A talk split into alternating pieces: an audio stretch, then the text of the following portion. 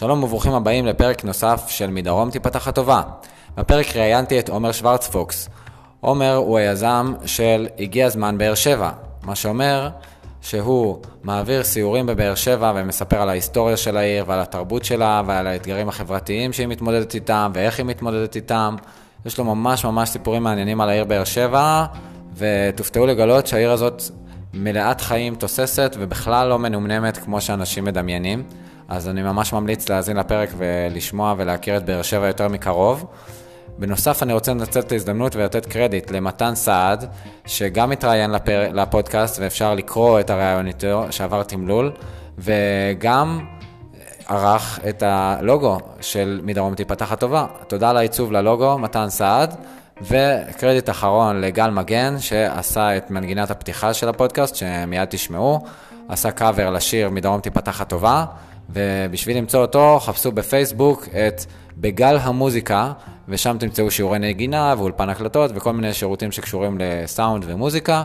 אז חפשו את בגל המוזיקה של גל מגן, וחפשו גם את הגיע הזמן באר שבע של עומר שוורצפוקס. ועכשיו מה שנשאר זה לאחל לכם האזנה נעימה, כי באמת הגיע הזמן להכיר את באר שבע יותר לעומק וליהנות ממנה, אז רק שיהיה לכם סבבה.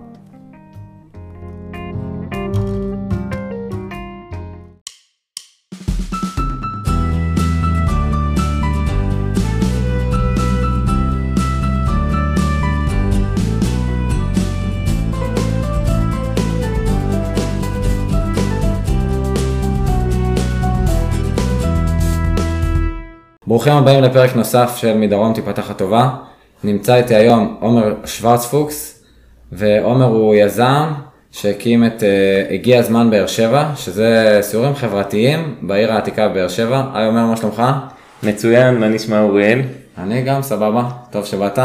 יופי. Uh, אז לפני שניכנס ליוזמה עצמה, אני אשמח קצת uh, שתציג את עצמך באופן כללי, תספר לנו מה אתה עושה, כל מיני. חשבתי להתחיל בשיר. נו, אוקיי. אפשר להתחיל בשיר? אתה מקריא לנו שיר עכשיו? כן. נו, מעולה. אה, שיר שכתבה תהילה חכימי, שנקרא רכבת אוניברסיטה. אוקיי. השיר אה, הולך ככה, כמה שורות קצרות. על המדשאה הגדולה של אוניברסיטת בן גוריון שבנגב, שמעתי מישהו אומר, הדבר הכי טוב שקרה בבאר שבע, זה הרכבת שמגיעה ישר לתוך הקמפוס, בלי שנצטרך לעבור בעיר. רציתי לצרוח, העיר הזו לא הזונה שלכם, יא מניאק. אבל שתקתי. אוקיי. אז אה, למה אני רצ... רציתי להתחיל בשיר הזה? נו. אה, כי הכותרת, הגיע הזמן באר שבע, סיורים חברתיים בעיר העתיקה, וגם כשאני צריך להציג את עצמי, אז בטח עולה השאלה מה הקשר, מה זה סיורים חברתיים ולמה בעיר העתיקה. ואני רוצה דרך זה להציג את עצמי, אני נולדתי וגדלתי בבאר שבע. Mm-hmm. אה, ואני מאוד מאוד אוהב את העיר הזאת. כן. ממש אה, בכל נפשי. אה, הגעתי לתחום של הדרכת טיולים, דווקא לא, לא בהקשר של באר שבע. הלכתי לעשות שנת שירות בחברה להגנת הטבע וגיליתי שכל מה שאנשים מכירים על העיר באר שבע זה במקרה הטוב את האוניברסיטה, במקרה הרע רק את התחנה המרכזית ולא הרבה יותר רחוק מזה. ראיתי את התופעה הזאת שמתוארת בשיר, שהדבר היחידי שהסטודנטים, שהאוכלוסייה מחוץ לבאר שבע מכירה זה את התחנות רכבת שמגיעה, ומה העיקר שלא צריך לעבור בעיר. ואני חושב שיש לעיר אה, באר שבע בשורה עצומה להביא לחברה הישראלית, זאת עיר מיוחדת, אה, לא רק בגלל שנולדתי פה, גם בגלל שאני באמת חושב שיש אה, מכל ההיבטים נושאים חברתיים שעולים מתוך החיים פה בעיר, שהם יכולים לשמש כדוגמה אה, וללמידה של אה, פעילים חברתיים ושל אה, יזמים ושל אנשים שרוצים לחיות במשותף ושל כל האנשים שחברתיות מעניינת אותם איכשהו. יש להם הרבה מה לקבל מתוך העיר הזאת, גם מתוך המורשת שלה וגם מתוך מה שקורה כאן היום. אוקיי, okay, אני יוצאת בהלם מהפתיחה המפתיעה שהבאת לנו עם השיר. אז אה, בכל אופן, איך בפועל זה התחיל? כאילו, מה קרה? שהיה רעיון בראש, איך זה הגיע ש... לעשות ציורים בבאר שבע עדיין, אוקיי, עשית פתיחה מדהימה, אבל עדיין אני אומר לך, אפילו בתור אחד שגר פה, זה עיר כזאת בסדר, כאילו עיר שגרים בה, לא יודע, אפשר, האמת היא שראשון לציון, זה מקפיץ לי את ראשון לציון שיש לה את אותו דימוי של עיר שגרים בה והולכים לישון ליד תל אביב, משהו כזה. אז זהו, שבתור מי שגדל בעיר, אה, אני גדלתי והכרתי את כל הספרים שנכתבו על העיר ועל המחקר על אה, באר שבע. אה, ויש פה ממש דברים מעניינים שקרו פה בעיר. כלומר, העיר העתיקה והעיר החדשה וגם תקופת התנ"ך וכל התקופות שעברו פה על העיר הזאת בשלושת אלפים שנים האחרונות הן תקופות מאוד מעניינות. יש פה לא פחות חומר מבחינת הנושאים שאפשר לדבר עליהם כן. מהרבה מקומות אחרים. אה, זה שזה נתפס כמו ראשון לציון זה בגלל שככה העיר נתפסת חברתית במקום החברתי שלה במדינת ישראל היום בתור סתם עיר. במקרה הטוב תופסים אותה בתור סתם עיר. כן. במקרה הרע היא מושמצת מאוד. אה, מה שאני אומר בעצם זה שבתור מי שגדל בבאר שבע ראיתי שאין את ה... אין מספיק גישה ואין מספיק אה, הנגשה של הידע הזה, של ההכרה של תולדות העיר, של ההכרה של הדברים המיוחדים שהיו פה בעיר לאורך השנים. גם המורשת הציונית של 70 שני, שנות אה, באר שבע, כן. מאז הקמת המדינה, וגם אה, אה, עוד הרבה לפני כן. ואנשים לא יודעים שבאר שבע זאת לא עיירת פיתוח שהוקמה על ידי המדינה באמצע הנגב, הם לא מבינים את התהליכים שגרמו להקמת העיר, את הגורמים שהיו מעורבים, ואלה דברים שיש מה לדבר עליהם, יש מה ללמוד, ויש מה, ל... ול... יש מה ל...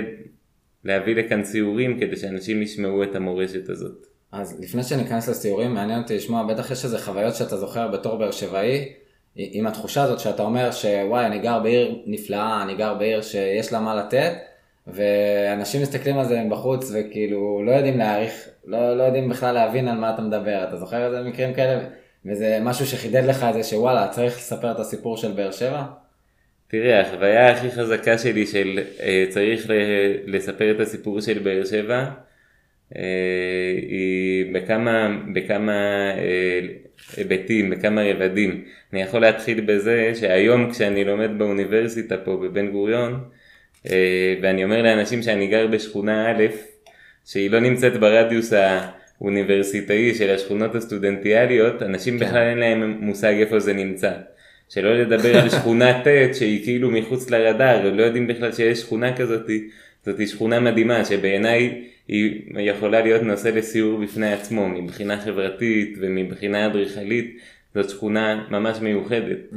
עם אופי מיוחד ועם תכנון מיוחד שיצר בה אה, המון דברים מורכבים שהם ממש דוגמה ומופת בעיניי לאינטגרציה חברתית.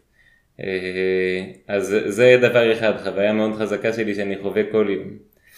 אה, וחוויה מאוד מאוד משמעותית שהייתה לי בתחילת דרכי כמדריך טיולים, זה כש, שכשהגעתי לקורס של החברה להגנת הטבע, הקורס אה, אה, שבו מציגים, לומדים כל השינשינים לשנת שירות לפני שמתחילים את השנת שירות.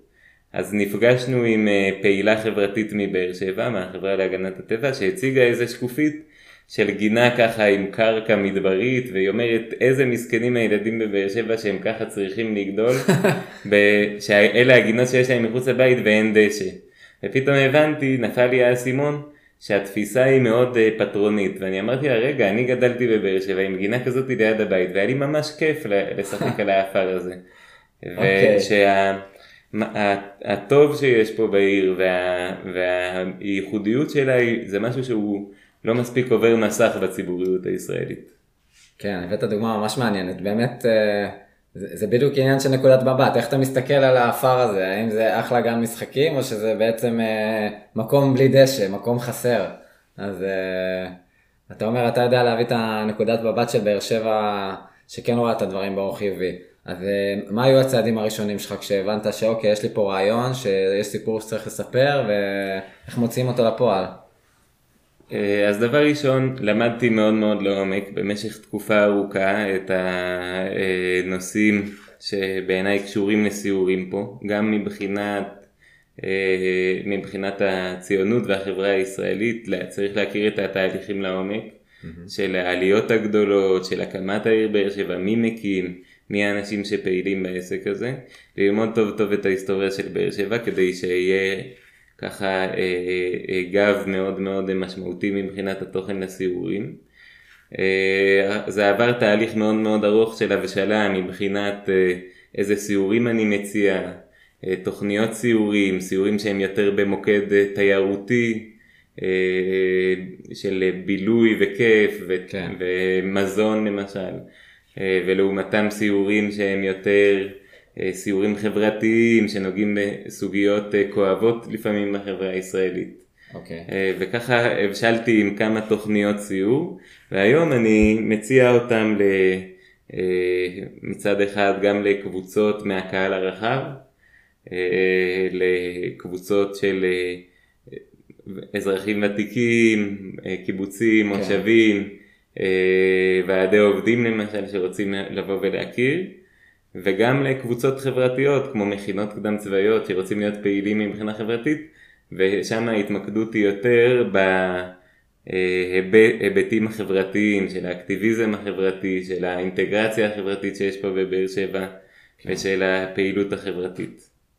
יפה, אז מעניין אותי באמת איך זה היה ללמוד על באר שבע, כי זה חלק ממה שדיברנו, שזה כאילו לא איזה נושא אטרקטיבי שיש עליו המון מחקרים או המון...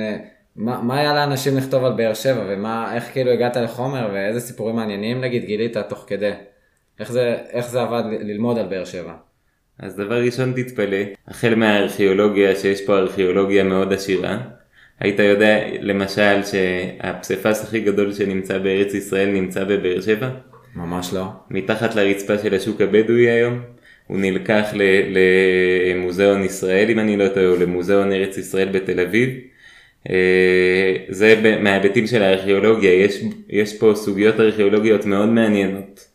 זה נוגע בעצבים החשופים של החברה בישראל פה, ההתעסקות בהאם קיים, האם היה קיים אברהם אבינו, תקופת האבות, כן. מה היה פה, השורשים שלנו בארץ ישראל.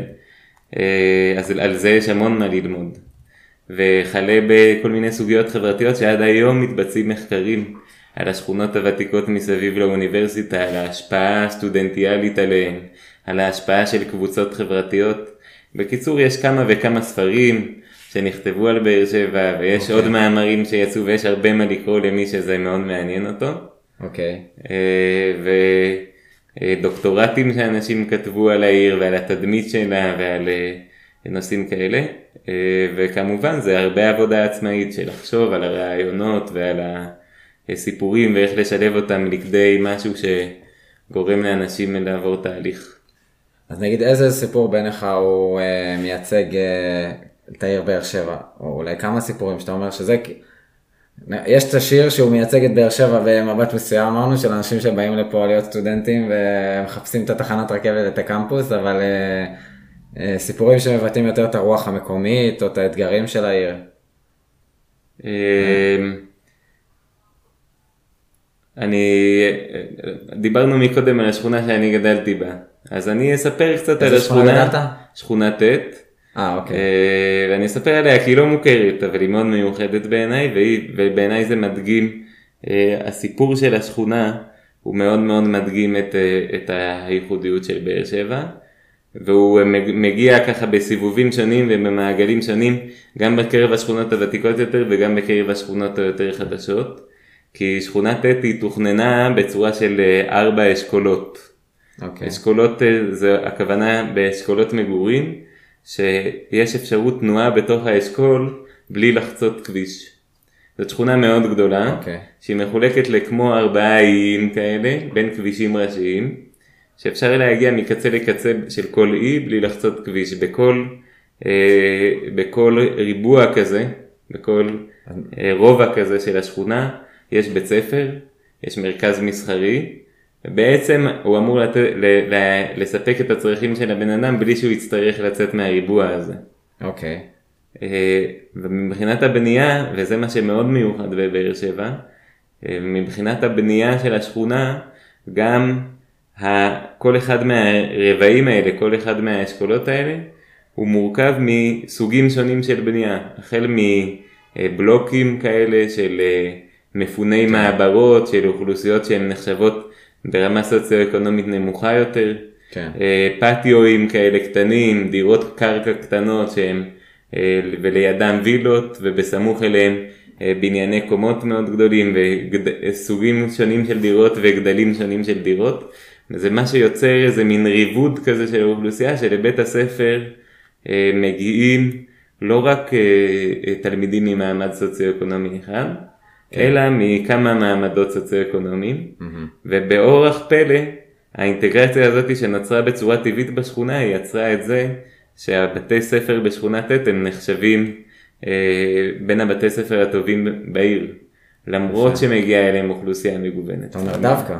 דווקא בגלל שמגיעה אליהם אוכלוסייה מגוונת זה מה שמצמיח אותם להיות בתי ספר כל כך מיוחדים. אה, ובעיניי זו דוגמה מאוד מאוד יפה לסיפור הזה של באר שבע, זה, זה ככה מהדור אה, אוקיי. האחרון. ו, ונגיד אנשים אה, בהיסטוריה של באר שבע שאתה חושב שחשוב להכיר, דמויות באר שבעיות כאלה. זה, זה מדהים אותי כמה אני אומר את זה ובראש שלי אין, אין דוגמה לאף אחד, כאילו לא יודע, אתה יודע, בן גוריון רצה להפריח את השממה, בסדר, ואני יודע שהיה טרנר שהיה פה ראש העיר וזכה באצטדיון. אז הנה, בן גוריון נותן לי להטיל את הפצצה. בן גוריון לא אהב את באר שבע בכלל, יש פה אוניברסיטת בן גוריון על שמו. כשבן גוריון תכנן להקים את האוניברסיטה בשדה בוקר, זה היה החלום שלו. 아. אה. הוא חשב שבירת הנגב צריכה להיות שדה בוקר ולא באר שבע, ממש בכוח הכריחו אותו להכיר בבאר שבע כבירת הנגב. מה אתה אומר? אה, בן גוריון לא כל כך אהב את באר שבע, זה היה נראה לו בורגני שבמדינה הציונית הבירה של שטח כל כך אה, ציוני בעיניו כמו אה, הנגב תהיה עיר בורגנית של מסחר ושירותים. הוא בכלל חלם ששדה בוקר תהיה בירת הנגב וששם תהיה האוניברסיטה על שמו. אחרי okay. אוקיי. שהוא נפטר אז טוביהו ככה בכוח הקים פה את האוניברסיטה. אה, ונכון שטוביהו הוא דמות שמאוד מזוהה עם באר שבע, גם רוביק דנילוביץ'. טרנר ואני רוצה שנלך טיפה אחורה. לא עכשיו שאתה מזכיר טוביהו אז אני אומר שרגר כאילו אבל זה שמות של רחובות כאילו. זה שמות של רחובות אז הנה שם של רחוב שאנשים פחות מכירים. אה, אה, דמות באר שבעית שאת הסיפור של המשפחה הזאת אנשים לא כל כך מכירים פה בבאר שבע בשנת 1903. אוקיי. כמה שנים אחרי שהוקמה באר שבע, מגיעה לפה לגור משפחה מרחובות, משפחה של איכרים שבעצם הם אה, עזבו את העבודה במושבה של רחובות, קיבלו פיצויי פיטורין כאלה, הם לוקחים את הפיצויי פיטורין ועושים השקעה בבאר שבע. אמ-המ. קונים אה, מטחנת קמח של קיטור, והיא המטחנת קמח הראשונה שמגיעה לבאר שבע.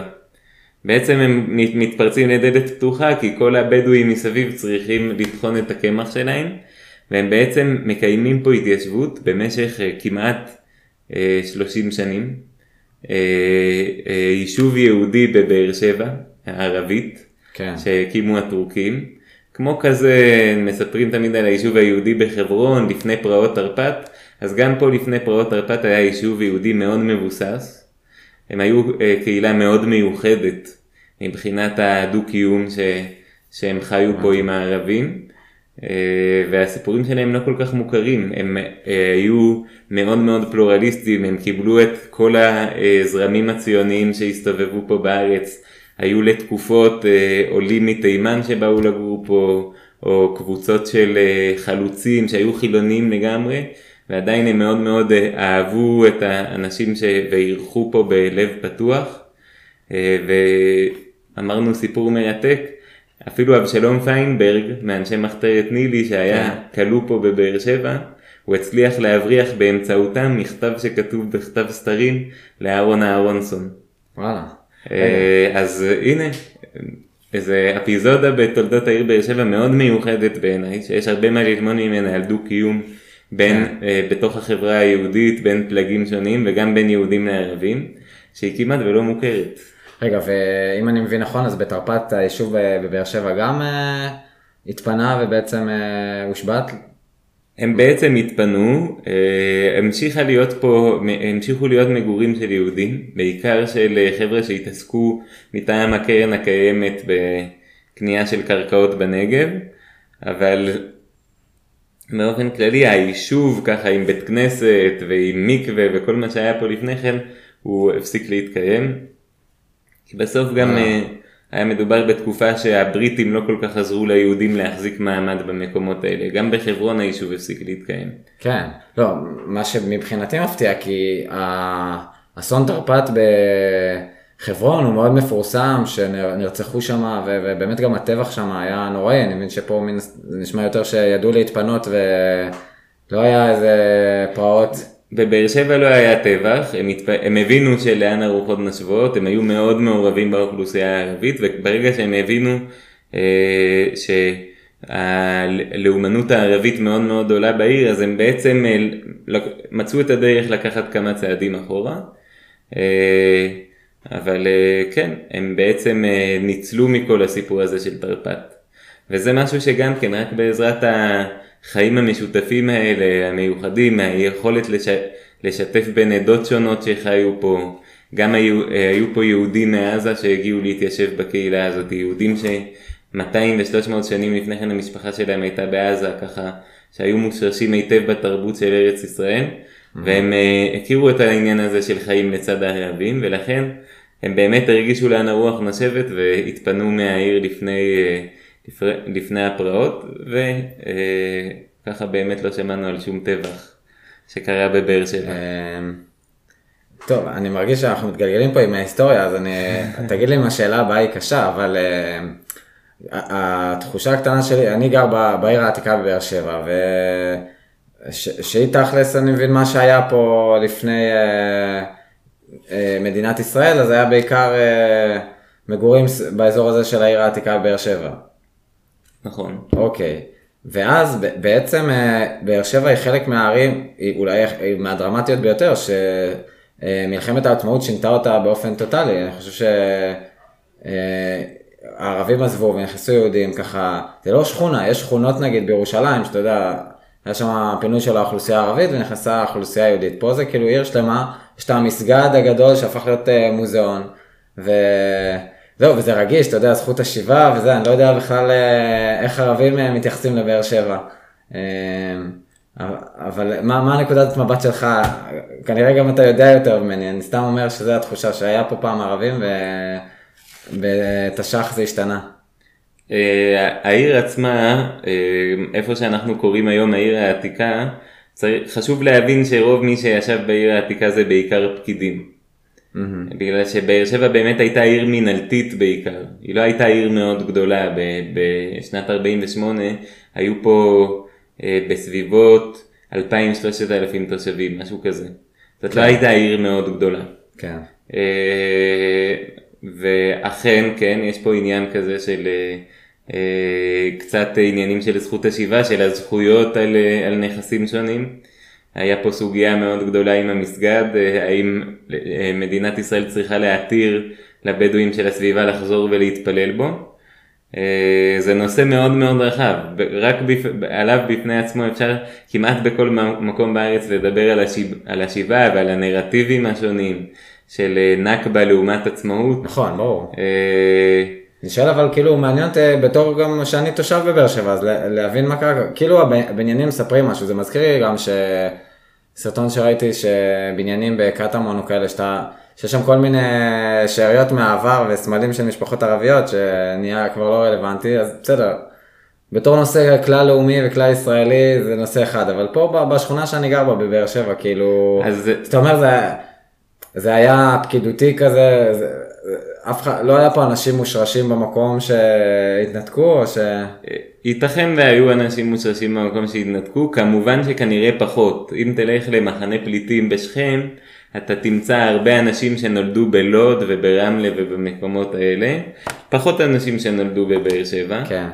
אה, גם בגלל ששכבת האוכלוסייה שהייתה גרה בבאר שבע, היא שכבה שלא נשארה במחנות הפליטים. ככה אם אנחנו אה. נכנסים לנושא של הפליטים, אז למשל לא תמצא הרבה אנשים שנולדו בקטמון במחנות הפליטים, כי זאת הייתה אה. שכונה של ערב, ערבים מאוד עשירים, הם עברו כן. למצרים ולירדן, והפכו להיות uh, טייקונים לא קטנים שם, uh, אבל מהבחינת המבנית של העיר העתיקה, דווקא זה משהו שמעניין עד היום לראות, שלמשל מרפאת כללית שנותנת שירותים לפזורה הבדואית סביב באר שבע, נמצאת בתוך העיר העתיקה. העיר העתיקה עדיין, יש דברים מנהלתיים מובנים שהיא נותנת אה, שירותים לאוכלוסייה הבדואית, ולא קיימים פה נכסים שיש טענת בעלות אה, בדואית עליהם והיא לא בוררה כמו שצריך. מבחינת תושבי הנגב נקרא לזה ככה, אין פה איזה מתיחות סביב כן, העניין נכון. הזה של למי הייתה שייכת בעצם באר שבע. דווקא יש פה אה, חבר'ה אה, אה, בדואים מהסביבה, שלמשל אה, אה, לא רחוק מפה יש את אה, השריף, שטיפת רכבים ליד באר אברהם, נו. לא רחוק מאיפה שאנחנו יושבים, שסבא שלו, או סבא רבא שלו, הוא היה המושל של נפת באר שבע. הוא וואלה. בעצם היה, הוא קורא, הוא מספר עליו שהוא היה ראש העיר הראשון של באר שבע, זה לא בדיוק הדבר הכי מדויק אה, מבחינה עובדתית, אה, מינהלתית של כן. הטורקים, אבל הוא היה ככה ממנהיגי העיר הראשונים, והוא עדיין אה, מרגיש מושרש וחי בבאר שבע. הנכד. שלו, יש פה עוד עדיין את השייכות הזאת של האוכלוסייה הבדואית, שהיא מיוחדת לעיר העתיקה. כן, כן, השוק אולי, לא? השוק, השוק נגיד הוא שוק אה, עם מסורת ארוכה, או ש... השוק העירוני הוא לא שוק עם מסורת כל כך ארוכה, כמו כל שוק עירוני. השוק הבדואי הוא שוק, שוק עם מסורת מאוד מאוד ארוכה, אם אנחנו הולכים מאה שנים יש, שוק, אחורה. יש שוק עירוני ויש שוק בדואי בבאר שבע? אתה מכיר את מחסני השוק? נכון, אז ליד מחסני השוק יש את השוק העירוני, זה כמו שוק מחנה יהודה לצורך העניין. אוקיי, זה מקום שהסוחרים מהעיר באו לפתוח בסטות. נכון. לא רחוק משם היה לאורך הרבה מאוד שנים שוק בדואי, שהמקומות שלו קצת נדדו לאורך השנים, אה, שזה בעצם שוק שהבדואים באו למכור את אה, תוצרתם, ל, ל, אם אתה מסתכל גם 100 שנים אחורה. מהמם. היום יש לו מתחם ליד נחל באר שבע, מתחם מסודר כזה שהשוק הבדואי מתנהל שם. אה, יש לו ימים קבועים, לפעמים הימים קצת עוברים טרנספורמציה, ראשון, רביעי, ככה לאורך וואלה. השנים. אה, זה. בהתחלה זה היה בהמות וצמר וחיטה, היום זה אה, דברים אחרים שמוכרים, אה, דברים כאלה made in China יותר, אבל אה, עדיין יש שוק בדואי, עדיין יש אה, ככה את כל השייכות הזאת של האוכלוסייה מסביב. וואלה, מעניין. זהו, התחושה היא שבאמת, אה, גם אני מאלה שהגיעו לבאר שבע ומכירים את השמות של הרחובות ומכירים אותה כעיר שאנשים גרים בה, אבל, אה, אבל הציפורים שאתה נותן הם באמת אה, פותחים כל מיני זוויות אחרות.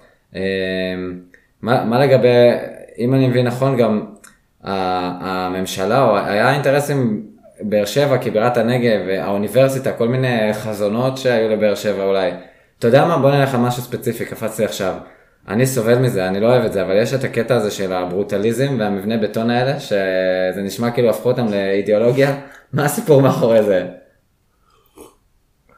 אז בעצם באר שבע, נ, נ, נתחיל בזה ככה, דיברנו עד עכשיו על העיר העתיקה. כן, העיר העתיקה היא משבצת של עיר שנמצאת במקום די אטרקטיבי, נגיד לזה ככה, נקרא לזה ככה, מבחינת, אה, אם, אם מסתכלים לפני 1948, אה, יש לה גישה מאוד נוחה לעזה וגישה מאוד נוחה לחברון, והיא מאוד, ממיקום מאוד טוב מבחינת המסחר, ויש בארות מים ומצוין. ברגע שמתחילים להקים פה עיר אה, מבחינה עיר עברית, אז אה, ולהביא לפה הרבה אוכלוסייה, צריך לה- להביא הרבה אוכלוסייה, אז זה נהיה מאוד מאתגר, כן? כן, אה, ובעצם מה שקורה זה שצריך לבנות עיר מאוד מאוד גדולה, היא אחת הערים הקולטות עלייה בצורה הכי מסיבית בארץ באותה תקופה, מכפילה את האוכלוסייה שלה אה, בכל כמה שנים, אה, ובעצם בונים הרבה מאוד שכונות, ובאר שבע הופכת להיות איזה מין סוג של, אה, איך נקרא לזה ככה, ניסוי מעבדה של אדריכלים. כן, כי בעצם כל מי שרצה לבנות באיזושהי צורה כמעט, הייתה איזה אסכולה, שקראו לה אסכולת עיר הגנים. את שתי השכונות הראשונות של באר שבע, א' וב', בונים לפי האסכולה הזאת. טעות חמורה שאחרי זה התחרטו עליה. כן, את שכונה ג' בונים בצורה אחרת, את שכונה ד' כבר בונים בצורה יותר אה, ככה לבנות כמה שיותר וכמה שיותר מהר, כי שכונה ד' היא נבנית בתקופה של העלייה הגדולה ממרוקו. כן, מגיע אה, הבנייה של שכונה ה', זה ככה לפי האותיות, הסדר כן. של ההקמה של השכונות, אה, ואז אומרים רגע עשינו פה מלא טעויות, עכשיו נעשה איזה מכרז וניתן לאדריכלים לנסות את השיטות שלהם. ובעצם בשכונה ה' ובשכונה ד' שילבו אה, הרבה דברים שניסו ככה אה, באותה תקופה שחשבו גם מבחינה אומנותית וגם מבחינת בנייה מדברית. אחד המבנים הברוטליסטיים הכי בולטים בעיר זה נגיד מרכז הנגב, היום כן. כבר פחות רואים אותו כי יש, אה, בונים שם כן. איזה פרויקט של אזורים שהוא יפהפה בעיניי, כן? הפרויקט או המרכז הנגב? המרכז הנגב הוא אוקיי. הרעיון של לשלב אה, מין רחוב מקורה כזה עם מסחר ומגורים הוא רעיון שהוא מאוד מאוד מרשים מבחינה תכנונית. או למשל אה, בשכונה ד' ליד מרכז גלעד יש בנייני פירמידה שגם להם יש איזה בניין מאוד מאוד ארוך עם הצללה פנימית. תלך לשכונה ה' יש מרבד שלם של משעולים שבעצם יש בית חד קומתי שבעצם עולה עליו בית דו קומתי ויוצר צל בתוך המשעול. זה בעצם כל מיני סוגים של בנייה מדברית וניסיונות לבנות כל מיני דברים שיתאימו לשטח פה.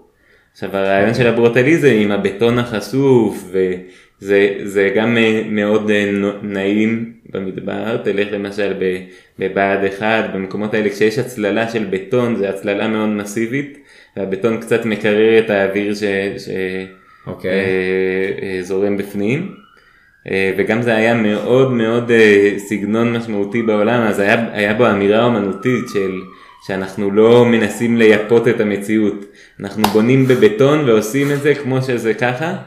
ודרך אגב, שתדע לך שבאר שבע היא אחת הערים, יש בה שפע של מבנים ברוטליסטיים, שהיום בלימודי אדריכלות מגיעים לבאר שבע לסיורים לראות את הבנייה הברוטליסטית הזאת. אני לא, אני מסכים שזה לא בהכרח הדבר הכי יפה, זה מאוד מסיבי ומאוד אה, גס, אה, אבל אה, זאת באר אוקיי. שבע.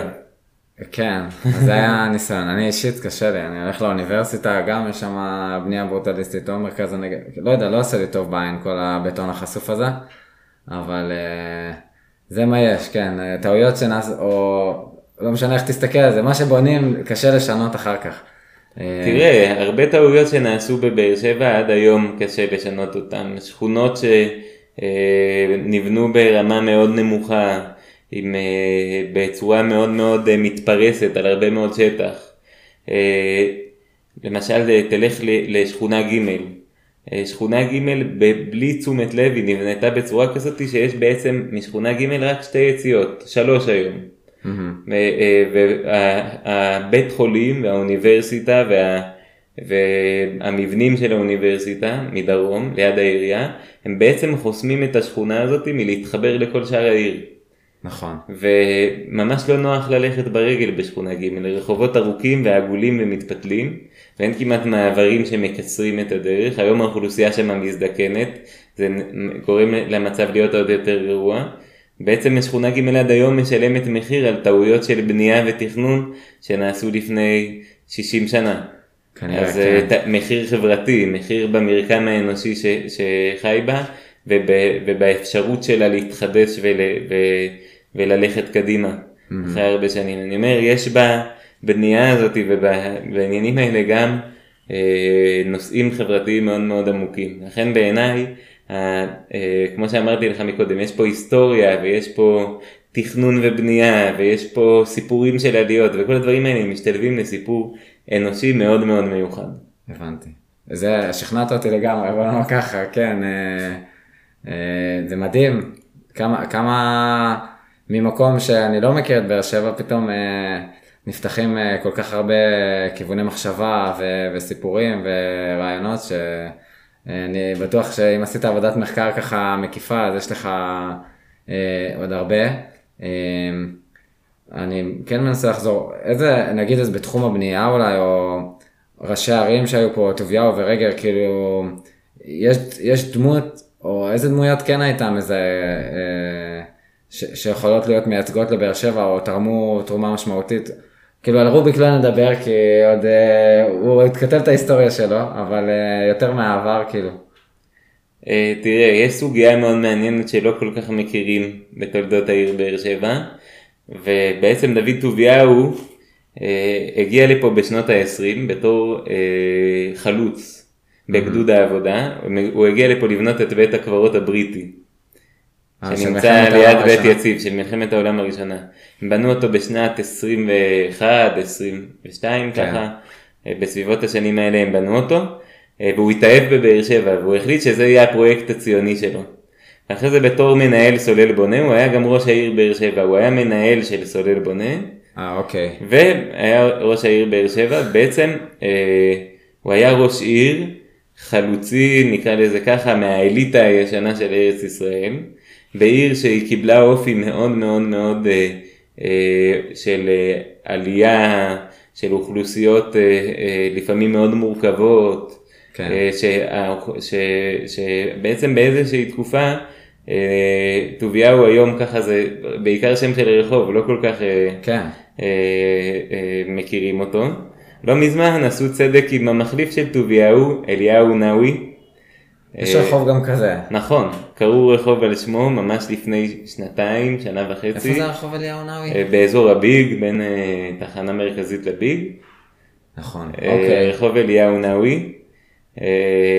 הוא בעצם היה גם כן נציג של מפא"י, אבל בעצם מה שקרתה זה, מה שקרה זה סוג של נקרא לזה השתלטות עוינת על הסניף של מפא"י בבאר שבע, על ידי הקהילה של העיראקים. רגע, אני מנסה להבין, עשית איזה קפיצה. מה, מה קרה לטוביהו? הוא היה ראש עיר שנשמע שהוא די הונחת לפה על ידי ה... הוא לא הונחת, הוא החליט שזה הפרויקט שלו, בצורה מאוד מאוד חזקה והוא גם עשה פה דברים מאוד מאוד טובים. אוקיי. וגם דברים שאפשר להיות אה, בביקורת עליהם, כמו שאמרנו מקודם, היה בנייה שהיא מאוד לא התאימה ויצרה נזקים חברתיים בדיעבד כן. וכולי. הרצון שלו הייתה שבאר שבע תהיה בירת הנגב והוא היה בולדוזר, הוא הצליח לייצר את הדבר הזה, למרות שדוד בן גוריון לא רצה. כן. הוא הצליח כמעט להזיז כל דבר שהיה צריך ב- ב- במסדרונות הממשלה לטובת העיר באר שבע, הוא היה ראש עיר מדהים, אבל אחרי אה, בסביבות אה, אה, אה, 20 שנים שהוא עמד בראשות העיר, בעצם, תחילת שנות ה-70 כזה היה השינוי? כן, אוקיי. בעצם מה שקורה זה שמי שמחליף אותו הוא אה, אליהו נאווי. בעצם מה שעושים, אה, הייתה- פה קהילה מאוד גדולה של עיראק, עיראקים, כן. שהשתלטה, על, אה, הם היו מאוד מאוד דומיננטיים בסניף מפא"י ובאיזשהו שלב הם אמרו, דוד טוביהו לא מייצג אותנו, אנחנו מזרחים, אנחנו רוצים שינוי.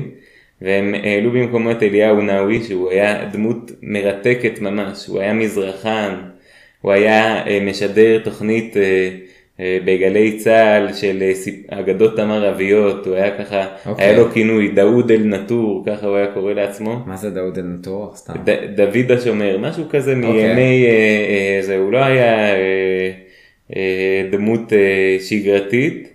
דרך אגב, יש רחוב גם על שמו היום, ורחוב קטן ולא כל כך מוכר, שהוא בין הקניון הנגב לשוק העירוני, יש אה, קטע קטן שקוראים לו אה, רחוב אליהו חכם. דוד חכם, לא? דוד חכם, סליחה, לא אליהו חכם, התבלבלתי. כן. סדר- שדרות דוד החכם זה נקרא, הוא היה אה, המנהיג של הקהילה העיראקית שבעצם העלה את אליהו אה, נאווי אוקיי. לשלטון. אה, הוא- הם היו פעילים מאוד והם לקחו את באר שבע מבחינת התדמית מאוד מאוד קדימה. אנחנו רואים שיש פה שני אה, אה, ככה מוקדים ש, שהעיר מתפתחת בהם, יש תקופות שהעיר מתפתחת מאוד מבחינת בנייה. אה, ודווקא מבחינה חברתית אין הרבה גאווה לתושבי העיר של כאילו מי אנחנו תושבי העיר באר שבע והם כן. גאים בעצמם.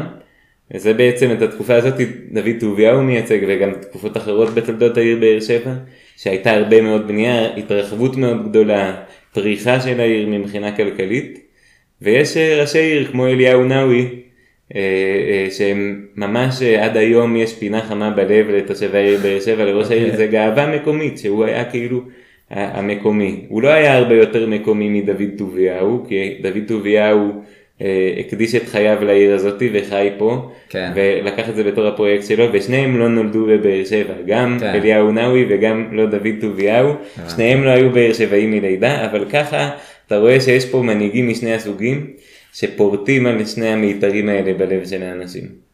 כן, מעניין.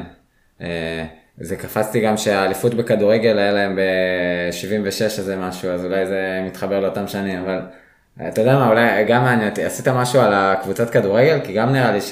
תראה, אני אוהד שרוף של הפועל באר שבע, נו, אבל אה, כרגע אני לא הצלחתי למצוא מספיק את הקונספט שבו נוכל לעשות סיור בעקבות הפועל באר שבע. למרות שאני חושב, ודרך אגב זה המלצת קריאה, יצאה לא מזמן ביוגרפיה של הפועל באר שבע, שמדברת דווקא על הנושאים החברתיים האלה, של הגאווה של הקבוצה הזאת, של האופי המיוחד שלה. אה, אה, פרשן כדורגל מאוד מאוד בכיר, שאני לא זוכר את שמו, הוא הוציא ספר שנקרא הפועל באר שבע ביוגרפיה. כן. שאני חושב שכדאי לקרוא אותו, אה, כי זה באמת קבוצה עם אופי מיוחד, ואולי בעתיד עוד יהיה סיור בעקבות הפועל באר שבע, מי יודע. גם אם לא סיור, אבל בטוח יצא לך כן לקרוא איזה, גם בתור אוהד, סיפורים, או באמת נראה לי שזה קבוצה, בוא נאמר ככה, האליפויות האחרונות האלה, אליפויות על חשבון מכבי תל אביב, זה היה ממש כאילו היילייט, הנה אנחנו הבאר שבעים, אה, ניצחנו את העשירים מתל אביב והוכחנו אה, את הכוח של תושבי הדרום. אה, נגיד היה פה אגדות ספורט כאלה של שחקנים, לא יודע, בעיקר אולי אליפות ב-76, זה סתם מידע שאני יודע, סתם מעניין אותי. תראה, בעיניי הדבר הכי מיוחד, אה, דווקא זה לא ב- נמצא בתחום של אגדות הספורט, זה בתחום של זה שבאר שבע הייתה קבוצה מאוד מקומית, גם בשנות ה-70 שהיא זכתה באליפות, הייתה קבוצה מאוד מאוד מקומית של חבר'ה מהשכונות. ח- אה, היום זה טיפה פחות, אבל עדיין יש גאווה באר שבעית. כן. ואליניב ברדה שגדל בהפועל באר שבע, הוא לא סתם זה שהצליח להוביל את הקבוצה ל- ל- ל- לאליפויות האחרונות שהיא אה, הביאה. יש משהו של גאווה באר שבעית בקבוצה הזאת, אה, ובעיניי הדבר הכי מיוחד דווקא היום, שתלך בשכונות הוותיקות, בשכונה א' ב', בד' קצת, אתה תפגוש את, הס- את השחקני העבר, הם היום אה, אה, לא עשו קריירה גדולה, כן. ואחרי שהם סיימו להיות שחקנים, הם לא הלכו להיות עורכי דין מובילים אה, או אה, פרזנטורים של אה, אה, אה, מותגים מובילים בשוק. אה, זה מיוחד שעדיין אפשר, שפוגשים אותם ברחוב, שזה מורשת של הקבוצה, שיש קשר בין הקבוצה לבין השחקנים. הוותיקים האלה, שתומכים, למשל היה אה, אה, שחקן עבר שהוא נקלע למצוקה בשנה האחרונה והקבוצה ככה אה, עזרה לתמוך בו. יפה. אז יש פה איזה משהו אה, של מורשת מקומית שלדעתי יותר חזק מהשאלה האם מצליחים או לא. האהבה להפועל באר שבע היא הייתה חזקה גם ב-40 שנה שהקבוצה הייתה, הייתה במדבר, כן. בלי, בלי אליפות. כן. לא סתם זה היה 40 שנה מהאליפות אה, ההיא של שנות ה-70 עד האליפות אה, של אה, שנות ה-2000. יפה. אמ, אז באמת אולי קצת בכיוון אחר, כי הזכרת גם את הספורטאים, אה, דיברנו על ראשי ערים ועל בן גוריון ועל בנייה גדולה ודברים גדולים, ומה עם אה, סיפורים קטנים? כאילו, אני גם בטוח שיש בבאר שבע אנשים שתרמו תרומה משמעותית וסיפרו איזשהו סיפור חברתי עם פרויקט שהוא קטן או עם איזה ביטוי של אה, גבורה, אבל לא משהו אה, מפוצץ ושמשפיע דווקא על כל העיר, אלא פשוט אה, אישיות מעניינת בבאר שבע, או איזה דברים מעניינים כאלה קטנים בבאר שבע. תראה, אני אה, חובש כיפה ואני מתפלל בבית כנסת מאוד מיוחד פה בעיר, אה, שנמצא בעיר העתיקה. אה, קוראים לו בית כנסת הדסה, הוא לא נמצא ברחוב הדסה, הוא נמצא ברחוב אה, אה, גרשון, זה רחוב מקביל לרחוב הדסה, אה, שגם גרשון הוא דמות בפני עצמה, רחוב מיוחד, רחוב שקט כזה ונחמד. ובבית כנסת קוראים בית כנסת הדסה כי הוא היה כאילו בתוך המתחם של בית חולים הדסה שהיה פה פעם בבאר שבע. וואלה. הוא סמוך לבית של מי שהיה מנהל בית החולים, פרופסור אליהו למן, שהוא הקים את הבית כנסת לזכר החברים שלו שנהרגו בשיירת הדסה ב-1948. והבית כנסת הזה היום אין המון המון מתפללים, אבל כל מתפלל אה, ומתפלל שמגיע לשם, זה, זה עולם ומלואו ממש, מבחינת תולדות העיר באר שבע. אנשים שהיו מחנכים 50 שנה בבתי הספר פה בעיר, שהקימו מפעלים גדולים בנגב, שהיו שותפים וגם אה, אה, אנשים שהגדלות שלהם זה בפשטות שלהם. מעניין. ואחת הדמויות המדהימות בעיניי, קוראים, אה, קוראים לבחור הזה חיים שרייבר, כן, שהוא היום פנסיונר של בית חולים סורוקה, הוא היה סניטר בבית חולים סורוקה. אוקיי. הוא ניצול שואה שעבר את אושוויץ והגיע אחרי זה למחנה עבודה אה, עם מספר על היד. היה חבר באצ"ל, עלה לארץ באלטלנה. וואלה. ירו עליו והוא הגיע ככה לחוף אה, אחרי שירו על האלטלנה. אה, אח שלו נהרג במלחמת השחרור, הם היו מחלקה של יוצאי אצ"ל שהתנכלו אליהם כמעט בכל דרך אפשרית. אוקיי. והוא מצא את עצמו אחרי המלחמה, אחרי שככה הוא אה, בעצם היה באחת החטיבות שהשתתפו בכיבוש העיר באר שבע, כן. מצא את עצמו באזור חצרים, צריך להשתחרר מהצבא, לא היה לו אפילו כתובת לשים במסמכי השחרור, אז הוא הלך ושכר אה, תיבת דואר בבאר שבע כדי שיהיה לו איזה אה, כתובת למכתבים, זה כל הכסף שהיה לו. אוקיי. לא היה לו שקל על פני, על פני היקום, הוא, אה, וואו. אה, כמעט לא נשארו אנשים מהמשפחה שלו. אה, הוא מספר איך הוא היה סוחב שני שקי בית- בטון בשביל אבא שלו במחנה עבודה. בחור וואי. כזה הוא היה הר אדם. כן. ב- אדם מאוד מאוד חזק, בנוי לעבודת כפיים. אה, והוא משתחרר לעיר באר שבע ואין לו פה שום בית, הוא ישן במשך אה, חמש שנים, הוא עובר מעבודה לעבודה.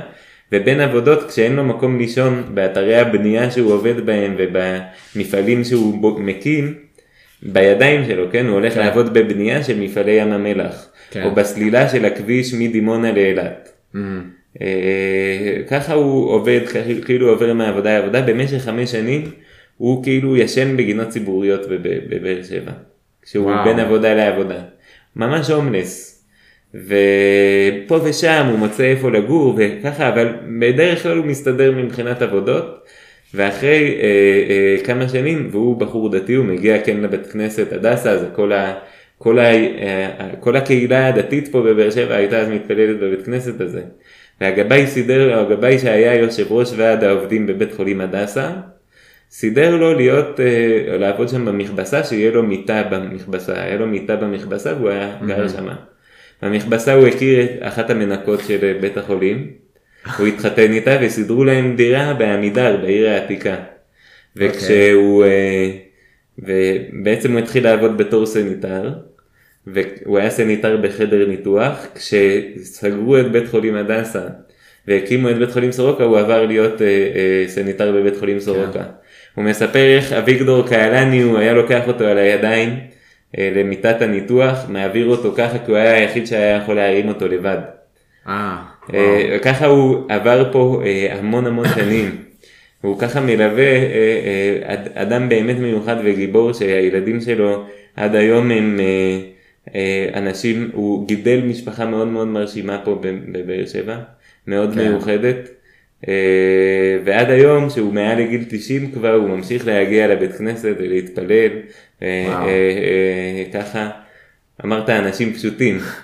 זה אין כותרת לבן, לבן אדם כזה, זה פשוט בן אדם שהוא היה בכל מקום, בכל אירוע שקרה כן. פה מאז קום המדינה, כאילו, ובתור, ובתור ניצב, בתור דמות מהצד הוא היה שותף בכל דבר שקרה פה, ודווקא האנשים האלה, העשייה שלהם יש לה הכי הרבה משמעות. כן. יש, לה, אה, אה, יש בה הכי הרבה ייחודיות, יש בה הכי הרבה אור. והאנשים הפשוטים האלה שעושים דברים טובים, לגמרי. שלוקחים אותנו קדימה. וואלה, אז זה נראה לי אה, אחלה נקודה לקראת סיום הפרק שלנו. באמת, וואו, סיפרת את זה וסיפור מדהים, אז ממש תודה. אז לקראת סיום נעבור לפינת ההמלצות שלנו.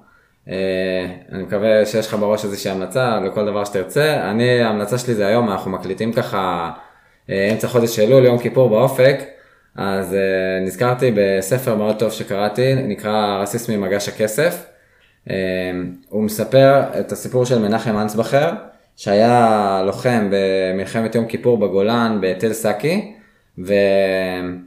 ומה שקרה להם שם שהסורים אה, פשטו על רמת הגולן, בעצם עקפו את העמדה שלהם, עקפו את תל סאקי, הוא והחיילים שלו, הוא היה מפקד שמה, אז הוא והחיילים שלו התחבאו שם בבונקר, ופשוט אה, חיכו לראות מה קורה, הסורים כבר עטפו אותם מכל עבר, ולא בדקו את הבונקר שלהם, לא עשו בו תיאור, לא הגיעו אליו, הסתובבו ממש מסביב, והם יושבים ומחכים לראות מה קורה, ככה הם היו שם איזה יומיים, וסיפור מאוד קשה, בסוף הצליחו לחלץ אותם, והספר בעצם לא מדבר על הקרב, אלא מדבר על ההתמודדות של אה, מנחם אנסבכר מבחינה נפשית, עם ההלם קרב בעצם, ועם ההתמודדות הנפשית אחרי טראומה וחוויה כל כך קשה, זה גם מדבר על הקרב, אבל גם הרבה הרבה יותר מדבר בעצם על הטיפול שהוא עבר, טיפול פסיכולוגי ותהליך שהוא עבר עם עצמו כדי להתמודד מבחינה נפשית. כמובן מתאים לכותרת רסיס ממגש הכסף, שהחיילים כביכול הם מגש הכסף, והוא רסיס ככה שנפגע. אה, אז אה, זה המלצת קריאה ככה עם אה, מישהו בעניין של לקרוא ספר שמתחבר למלחמת יום כיפור. זה ההמלצה שלי, מה, מה אתה חשבת אולי אומר? אם אנחנו בנושא חברתי וגם דיברנו קצת על בן גוריון okay. אוקיי. ועל הדואליות של הדמות שלו מעניין הוא מאוד רצה ליישב את הנגב אבל מצד שני על המורכבות של הגישה שלו okay. כן. לבאר שבע ובכלל אם אתם אנשים שיזמות מעניינת אתכם והיא בנפשכם וחלומות ואתם רוצים לדעת איך להגשים חלומות, יש אה, ספר מאוד מיוחד על דוד בן גוריון שנקרא אה, דוד בן גוריון דמותו של מנהיג, כתבה אותו אניטה שפירא, היסטוריונית, mm-hmm. שחוקרת את הדמות של דוד בן גוריון. הוא בעיניי מאוד מומלץ, לא מאוד מאוד ארוך, והוא מראה את הדילמות המנהיגותיות וואו. שבן גוריון עמד בפניהן, ממש מיוחד, עובר על כל החיים של בן גוריון, אה, ומאיר כל מיני החלטות שהוא החליט בצורה אה, שככה מראה את המורכבות ואת אה, כובד המשקל שהיה על כתפיו.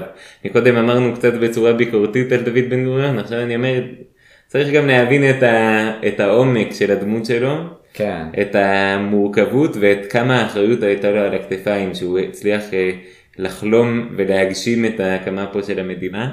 אז זה בעיניי המלצת קריאה מצוינת לחגים, למי כן. שרוצה. אה, וזהו, תודה רבה לך. תודה רבה עומר, אני ממש נהניתי. אמנם זה, נזכרתי רק לסיום, אבל אה, אני עוד פעם אזכיר אה, תודה לתוכנית קצב של הסוכנות היהודית, שבעצם תומכת גם בפודקאסט הזה, גם ביוזמה של עומר ועוזרת לנו לקדם אותם. אז תודה לסוכנות על התמיכה שלה בקידום חברתי במדינת ישראל. ממש תודה עומר שהגעת, היה ממש כיף, אני נהניתי. מקווה שגם המאזינים שלנו נהנו, אני די בטוח. ושיהיה לכם סבבה. יום טוב.